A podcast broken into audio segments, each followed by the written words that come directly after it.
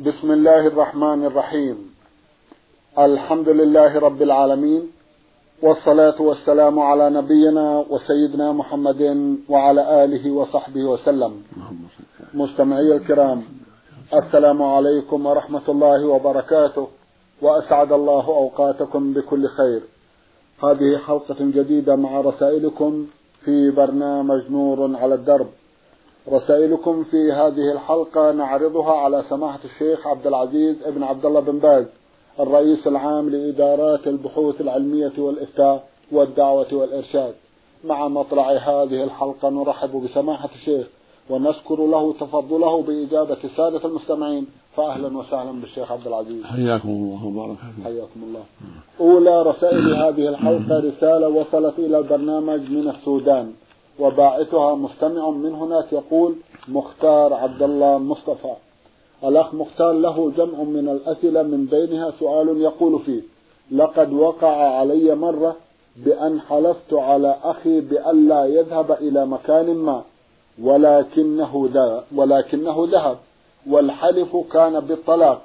فهل هذا الطلاق واقع وماذا أعمل؟ جزاكم الله خيرا. بسم الله الرحمن الرحيم. الحمد لله وصلى الله وسلم على رسول الله وعلى آله وأصحابه من اهتدى بهداه. أما بعد فكان ينبغي لك يا أخي ألا تحلف بالطلاق وأن تقول له شيئا آخر غير الطلاق. لكن ما دام وقع الطلاق فإن كنت أردت بهذا منعه ولم ترد إيقاع الطلاق فعليه كفارة اليمين.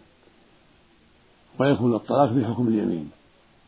أما إن كنت أردت إيقاع الطلاق ففي إمكانك الاتصال بالمفتي لديكم أو المحكمة الشرعية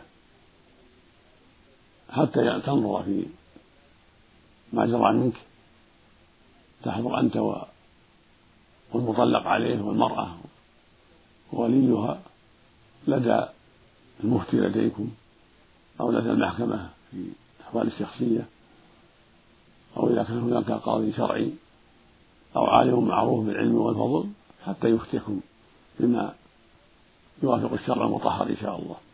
بعدما تذكر له الواقع وبعدما يسأل الزوجة عما لديها وعما لدى وليها وبعدما يسأل المطلق عليه ماذا سمع منك ونصيحتي لك ألا تعود لمثل هذا. نعم. جزاكم الله خيرا. يقول أنا متزوج ولله الحمد ولدي أربعة أطفال.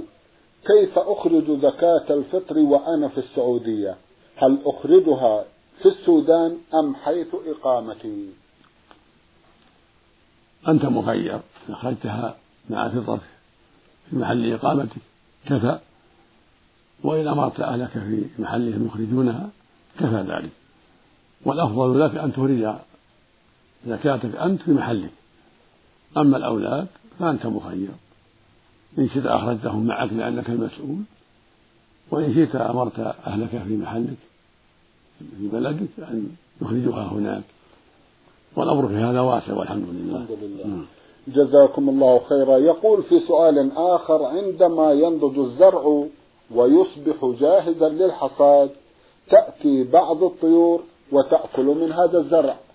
وقد جرت العادة عندنا أن نحضر شيخ طريقة حيث يحضر هذا الشيخ ومعه عصاه ويشير بها على الزرع ويشير بها على الطيور فلا تأتي مرة ثانية إلى الزرع. هل هذا الفعل جائز أم لا؟ لا ينبغي هذا الفعل؟ وهذا الشيخ متهم بأنه يستخدم الجن وتساعده الجن على حماية الزرع من الطيور فينبغي ألا يستدعى هذا الشيخ لأن هؤلاء الصوفية متهمون وأكثرهم إلا من عصم الله يستخدمون الجن ويدعون أهل القبور وأصحاب الزوايا ويستغيثون بغير الله من الأموات والجن وغير ذلك. فلا يليق ولا ينبغي أن يسألوا. وهذا الذي تحضرونه ليحمي الزرع. هذا إنما يأتي ليستعين بمن يعرفهم من الجن أو من الأموات الذين يعبدهم مع الله فيساعده الشياطين على ذلك حتى يقع الناس في الشرك. فالواجب الحذر من ذلك. وأن تعملوا أنتم ما تستطيعون من حماية الزرع. بشيء يمنع الطيور من ذلك. وللناس في هذا عادات معروفة يستطيعون بها حماية الزرع من الطيور. إما بنهمها بالحجارة ونحوها والإشارة بعصا أو برمح أو نحو ذلك أو بغير هذا مما يعتاده الناس ليكفر الطيور أو بنصب شيء يظنون أنه ناهم كأنه إنسان وهو ليس بصورة لكن يوهم العصافير ونحوها أنه إنسان حتى يحذروه المقصود يفعلون ما يستطيعون غير هذا العمل السيء. نعم. جزاكم الله خيرا. من اليمن الجنوبية رسالة وصلت إلى البرنامج من أحد المستمعين يقول عين شين زاي. يقول يوجد عندنا في اليمن بشطرين عادات سيئة في أيام الزواج منها على سبيل المثال قبل العقد يدفع الزوج ما يسمونه بثوب العم وثوب الخال وثوب الأم وهي مبالغ من المال ويدفع لكل واحد حوالي ألفين شلن والمصيبة الكبرى أن الزوجة تمتنع عن زوجها إلا إذا دفع لها مبلغا يصل أحيانا إلى عشرة آلاف شلن أي ما يعادل خمسة آلاف ريال سعودي. فما حكم ذلك؟ جزاكم الله خيرا. هذه أمور عادية بين الناس. إذا تركوها فلا بأس وإذا استمروا عليها فلا بأس. والأفضل التخفيف والتيسير وعدم التشديد في المهور والعادات. حتى لا يتعطل الشباب وحتى لا تتعطل الفتيات من النكاح. وإذا اصطلحوا على أن العم يعطى شيئا أو الخال أو الأب أو الأم أو الجدة يعطى شيئا من الزوج فلا حرج في ذلك. من باب البر ومن باب الصلة من هذه البنت التي يراد تزويجها.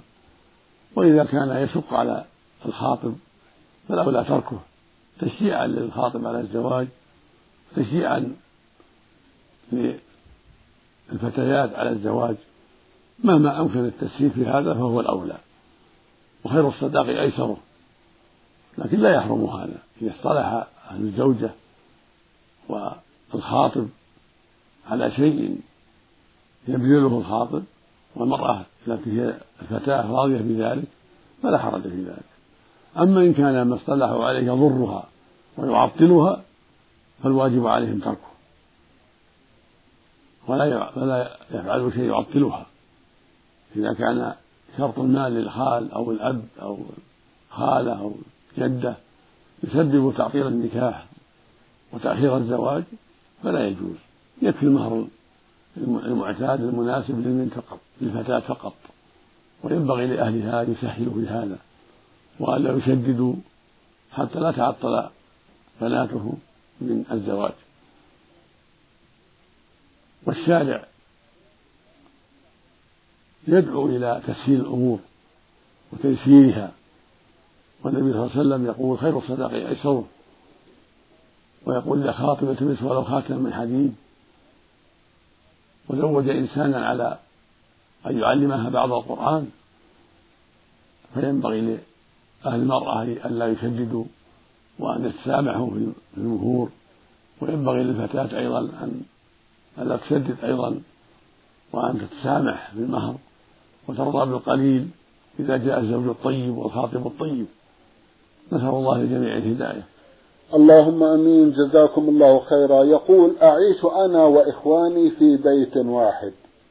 زوجاتهم لا يحتجبن عني وزوجتي أيضا لا تحتجب عني. وإخواني يقول أعيش أنا وإخواني في بيت واحد. وزوجاتهم لا يحتجبن عني. وزوجتي أيضا لا تحتجب عنهم.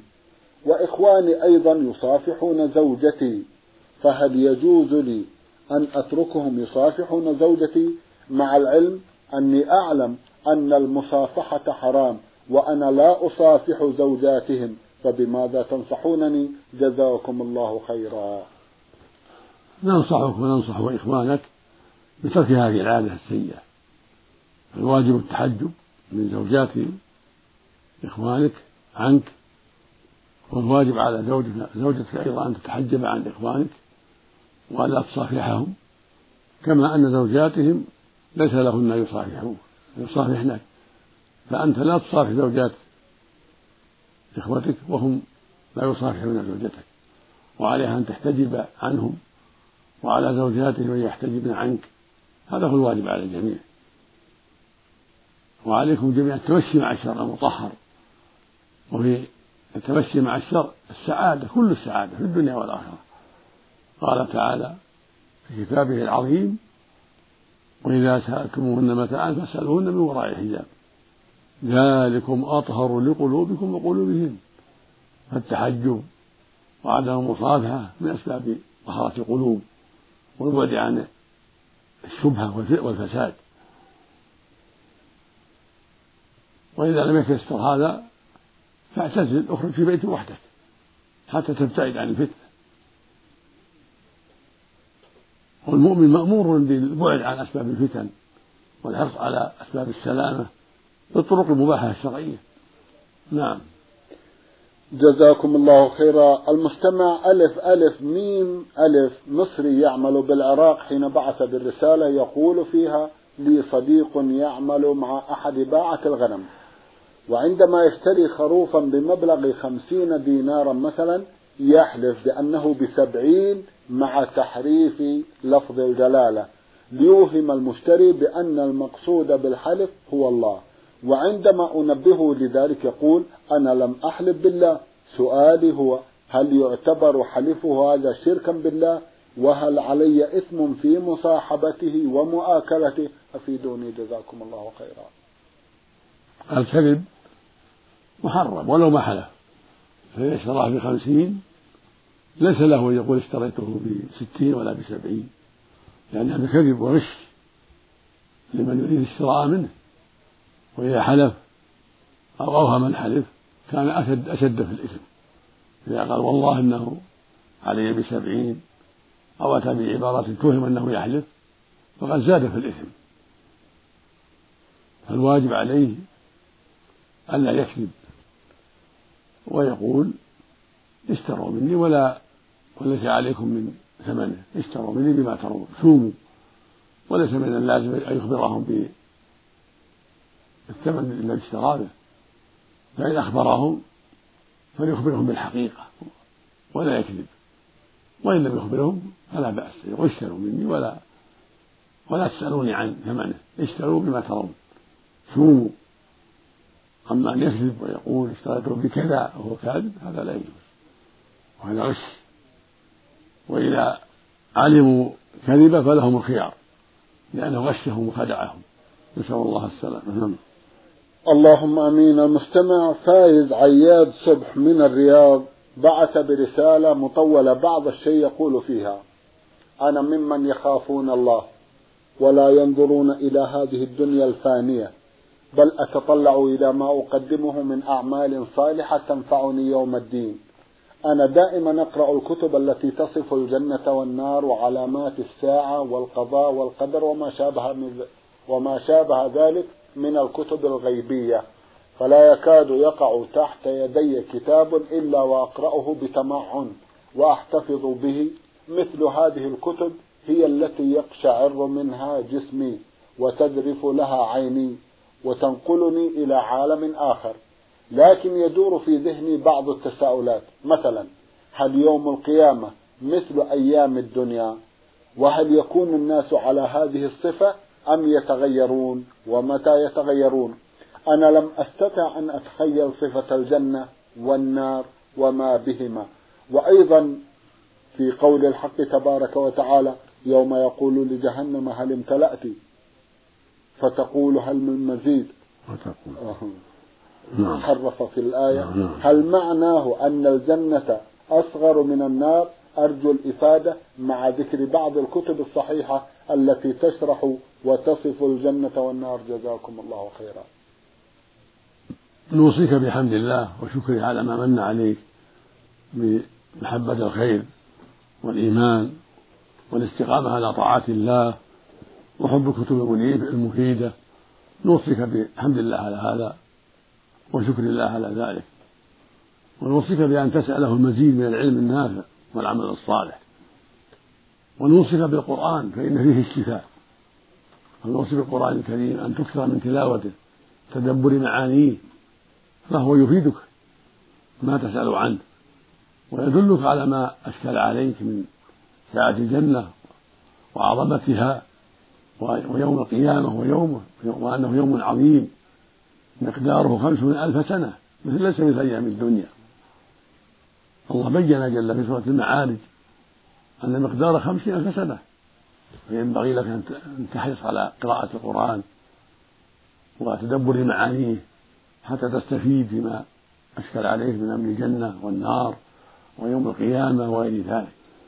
يقول جل وعلا في سورة المعارج تعرض الملائكة والروح إليه في يوم كان مقداره خمسين ألف سنة. فاصبر صبرا جميلا.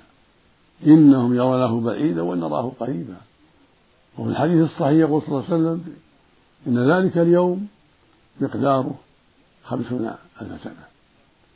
ذكر من بخل بالزكاة ولم يؤدها أنها تحمى عليه أمواله ويعذب بها في يوم كان مقداره خمسين ألف سنة. والنار لا يزال يلقى فيها وهي تقول هذه المزيد. حتى يضع جبار سبحانه فيها رجله فينزو بعضها إلى بعض وتقول قام من قطن حسبي حسبي امتلأت. والجنة أوسع وأعظم. يقول جل وعلا وسارعوا إلى مغفرة من ربكم وجنة عرضها السماء والأرض وعدة للمتقين. فأمرها عظيم وساعتها عظيمة ويدخلها المؤمنون ويبقى فيها فضل. فعليك يا أخي أن تجتهد في تدبر القرآن والإكثار من تلاوته حتى تعلم ما أشكل عليك. وننصحك بمراجعة الصحيحين صحيح البخاري وصحيح مسلم تفسير ابن كثير تفسير ابن جرير تفسير البغوي. هذه كتب عظيمة مفيدة جدا. كذلك ننصحك بمراجعة زاد المعاد للعلامة ابن القيم رحمه الله وهو كتاب جيد. سماه زاد المعاد في هدي خير العباد. كذلك نوصيك بمراجعة كتب الشيخ الإمام محمد بن عبد الوهاب رحمه الله فهي كتب مفيدة. ثلاثة الأصول كتاب التوحيد كشف الشبهات آداب المشي إلى الصلاة هذه كتب مفيدة وشرح كتاب التوحيد لحفيده الشيخ عبد الرحمن الحسن واسمه فتح المجيد كتاب مفيد في العقيدة كتب شيخ الإسلام ابن تيمية في العقيدة كتب مفيدة مثل العقيدة الواسطية. كتاب الحموية كتاب التدمرية كتاب الإيمان كتب عظيمة مفيدة. نسأل الله لنا ولك التوفيق. نعم. اللهم آمين. جزاكم الله خيرا رسالة من إحدى الأخوات المستمعات في الرياض تقول هيلة ألف عين. لها سؤالان. تقول في الأول ما حكم الشرع؟ في إنسان أكل لحم إبل ظانا أنه لحم غنم ثم صلى بعد ذلك. هل صلاته صحيحة لجهله أم يجب عليه الإعادة؟ بل يجب عليه أن يعيد لأن لحم الإبل ناقض. يقول النبي صلى الله عليه وسلم توضأوا من لحوم الإبل. فالواجب عليه أن يتوضأ فإذا جهلها ثم علم يتوضأ ثم يعيد الصلاة. كما لو صلى يحسب أنه على وضوء ثم تذكر أنه قد أحدث بولا أو ريحا أو غائطا فإنه يتوضأ ويعيد لأن لحم الإبل ناقض الوضوء في أصح قول العلماء. لقول النبي صلى الله عليه وسلم توضأوا من لحوم الإبل. وقال له رجل يا رسول الله أنا أتوضأ من لحوم الإبل؟ قال نعم. قال أنا أتوضأ من لحوم الغنم؟ قال إن شئت. فجعله من لحوم الغنم مخيرا إن شاء توضأ وإن شاء لا يتوضأ في لحم الغنم. أما لحوم الإبل فوجب عليه الوضوء فإذا أكل لحم إبل ثم علم أنها لحم إبل فإنه يتوضأ ويعيد الصلاة. نعم. جزاكم الله خيرا. سماحة الشيخ ماذا يستثنى من أجزاء لحم الإبل؟ كثير من كثير من العلم يرون أن الكرش نعم. والأمعاء لا تسمى لحما والشحم كذلك لأن اللحم عند العرب هو الهبر المعروف فإذا أكل من كرشها أو شحمها أو أمعائها لا يسمى لحما فلا يجب عليه الوضوء وبعض أهل العلم يستحب له الوضوء منها ويرى أنه لو توضأ يكون أحوط. لأنه قد قد يتسامح في تسميته لحما لكونه يشبه اللحم. فإذا توضأ منه احتياطا فهو حسن إن شاء الله. لقول النبي لقول النبي عليه الصلاة والسلام دع ما يريبك إلى ما لا يريبك ولقوله عليه الصلاة والسلام من اتقى الشبهات استبرأ لدينه وعرضه فإذا توضأ من والأمعاء كرش الإبل وأمعاء الإبل هذا حسن إن شاء الله. نعم. جزاكم الله أما الوضوء اللازم هو من اللحم من اللحم. نعم يعني الهبر. نعم, نعم. بالنسبة للكبد والطحال؟ كله مثل مثل الأمعاء مثل الأمعاء نعم. أحد الإخوة يسأل أيضا حتى عن الحليب. لا الحليب لا ينقض المرض واللبن لا ينقض جزاكم الله لا يسمى لحما. جزاكم الله خيرا. تسأل أختنا وتقول ما حكم الشرع في نظركم في الكحل في نهار رمضان؟ هل هو حلال أم حرام؟ وهل هناك فرق بين وضعه في الليل ووضعه في النهار أثناء الصيام؟ الصواب أن الكحل ليس مفطرا لأن العين ليست منفذا معتادا.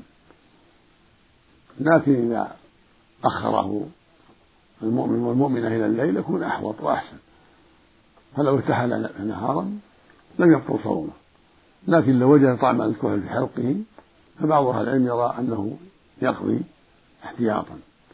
فإذا قضى احتياطا فحسن. وإلا فالصواب أنه لا يفسد الصوم. إذا قطر في عينه أو اكتحل في عينه فالصواب أنه لا يبطل. وإن أحس بذلك في حلقه لكن إذا قضى احتياطا إذا أحس به في حلقه من باب الاحتياط فحسن. وإذا أخره إلى الليل كان ذلك أبرأ للذمة وأحوط لقوله عليه الصلاة والسلام دع ما يريبك إلى ما لا يريبك نعم. جزاكم الله خيرا. المستمع حاجيم حا من السودان بعث برسالة يقول فيها لدينا في المدينة شيخ وهبه الله جمالا في الصوت وعذوبة لا توصف عندما يقرأ القرآن. أخذت مسجلا وتوجهت إليه لأسجل له من سورة البقرة ولكنه رفض التسجيل وقال إن تسجيل القرآن أو الاستماع إليه من خلال أي جهاز حرام ولا يجوز لأن كلام الله منزه عن عن التساجيل. فخرجت من عنده وأنا متعجب من موقفه. سؤالي هل هو محق في موقفه هذا أم أنه موقف غير مبني على أي أساس من الصحة؟ أفيدونا جزاكم الله خيرا. لا أعلم لكلامه وجها ولا حرج في التسجيل. هذا الكلام الذي قاله ليس له وجه شرعي فيما نعلم ولا حرج في تسجيل القرآن والأحاديث المفيدة وفي ذلك نفع عظيم للمسلمين وقد جرب المسلمون ذلك. وأي حرج في هذا؟ ليس في هذا حرج. ولعله ينتبه لأمر لهذا الأمر ويرجع عن رأيه. هذا الرأي الذي قاله أخونا هذا ليس بسديد والصواب أنه لا مانع من تسجيل القرآن ولا سيما بالأصوات الحسنة التي تحرك القلوب. وتخشع لها القلوب كما يسجل أيضا العلم النافع من أحاديث الرسول صلى الله عليه وسلم ومن كلام أهل العلم. كل ذلك لا بأس به والحمد لله. نعم. جزاكم الله خيرا. من ليبيا المستمع بشير حا حا بعث برسالة ضمنها جمعا من الأسئلة في أحدها يقول أنا شاب مسلم لي خال متزوج يشرب الخمر إذا وجده وهو تارك للصلاة. فهو لا يصلي حتى في شهر رمضان. نصحته ولكن بدون فائدة. فهل صيامه صحيح؟ وهل يجب أن نقاطعه ولا نتحدث إليه ولا نجلس معه؟ أنا أجد نفسي مجبرا على التحدث والجلوس معه وذلك بصفته خالي. فماذا علي أن أفعل؟ أفيدونا جزاكم الله خيرا. إذا كان الواقع ما ذكره السائل فالواجب هجره ومقاطعته وألا تجاب دعوته وألا يدعى إلى وليمة لأن ترك الصلاة كفر أكبر في أصح قوله العلماء. يقول النبي صلى الله عليه وسلم في الحديث الصحيح العهد الذي بيننا وبينهم الصلاة فمن تركها فقد كفر. خرجه الإمام أحمد وأهل السنن بإسناد صحيح. ويقول عليه الصلاة والسلام بين الرجل وبين الكفر والشرك ترك الصلاة رواه مسلم في صحيحه. في أحاديث كثيرة وآيات قرآنية تدل على كفر تاريخ الصلاة. فالواجب على من يدعي الإسلام أن يتقي الله وأن يصلي. فإذا لم يلتزم بذلك وجب على ولاة الأمور إذا كان في بلد إسلامية أن يستتيبوه فإن تاب وإلا وجب قتله. ومثله لا يستحق أن تجاب دعوته بل ينبغي هجره وعدم دعوته حتى يستقيم. أما من زاره ليدعوه إلى الله ليرشده فلا بأس. هذا ما بالدعوة إلى الله إذا زرته لأن تدعوه إلى الله وترشده إلى الحق. لعل الله يهدي بأسبابك. هذا أمر طيب. أما الصوم فلا يصح على الصحيح لأن الكافر لا يصح عمله. قال تعالى ولو أشركوا لحبط عنهم ما كانوا يعملون. قال سبحانه من يكفر بالإيمان فقد حبط عمله وهو في الآخرة من الخاسرين.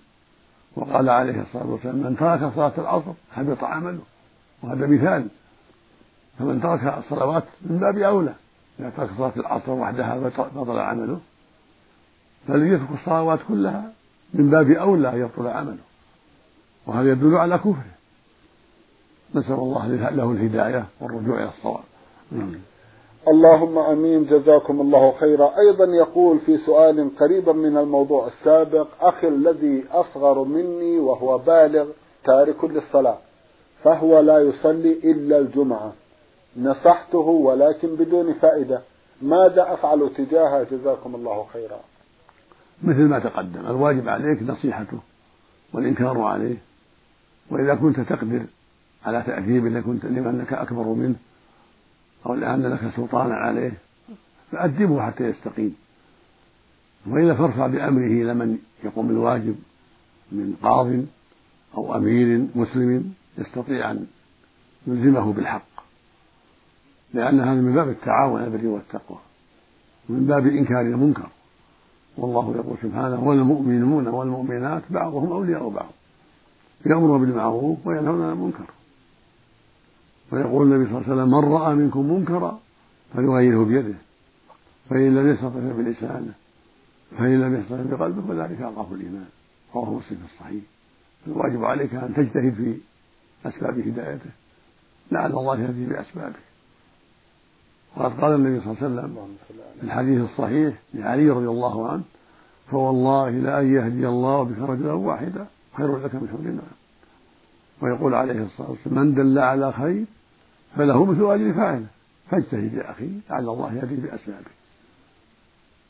فإن أبى فاعمل ما تستطيع من إلزامه بالحق وردعه عن الباطل من طريق الإمارة أو القضاء أو من طريق أبيه كان أبوه موجودا يقوم عليها والده بالتأديب لعل الله يهدي بأسبابكم نسأل الله لنا وله الهداية. نعم. اللهم آمين. جزاكم الله خيرا. سماحة الشيخ في ختام هذا اللقاء أتوجه لكم بالشكر الجزيل بعد شكر الله سبحانه وتعالى على تفضلكم بإجابة السادة المستمعين. وآمل أن يتجدد اللقاء وأنتم على خير. نسأل الله ذلك. مستمعي الكرام كان لقاؤنا في هذه الحلقة مع سماحة الشيخ عبد العزيز ابن عبد الله بن باز الرئيس العام لإدارات البحوث العلمية والإفتاء والدعوة والإرشاد. أما أنتم مستمعي الكرام فشكرا لمتابعتكم وإلى الملتقى. وسلام الله عليكم ورحمته وبركاته.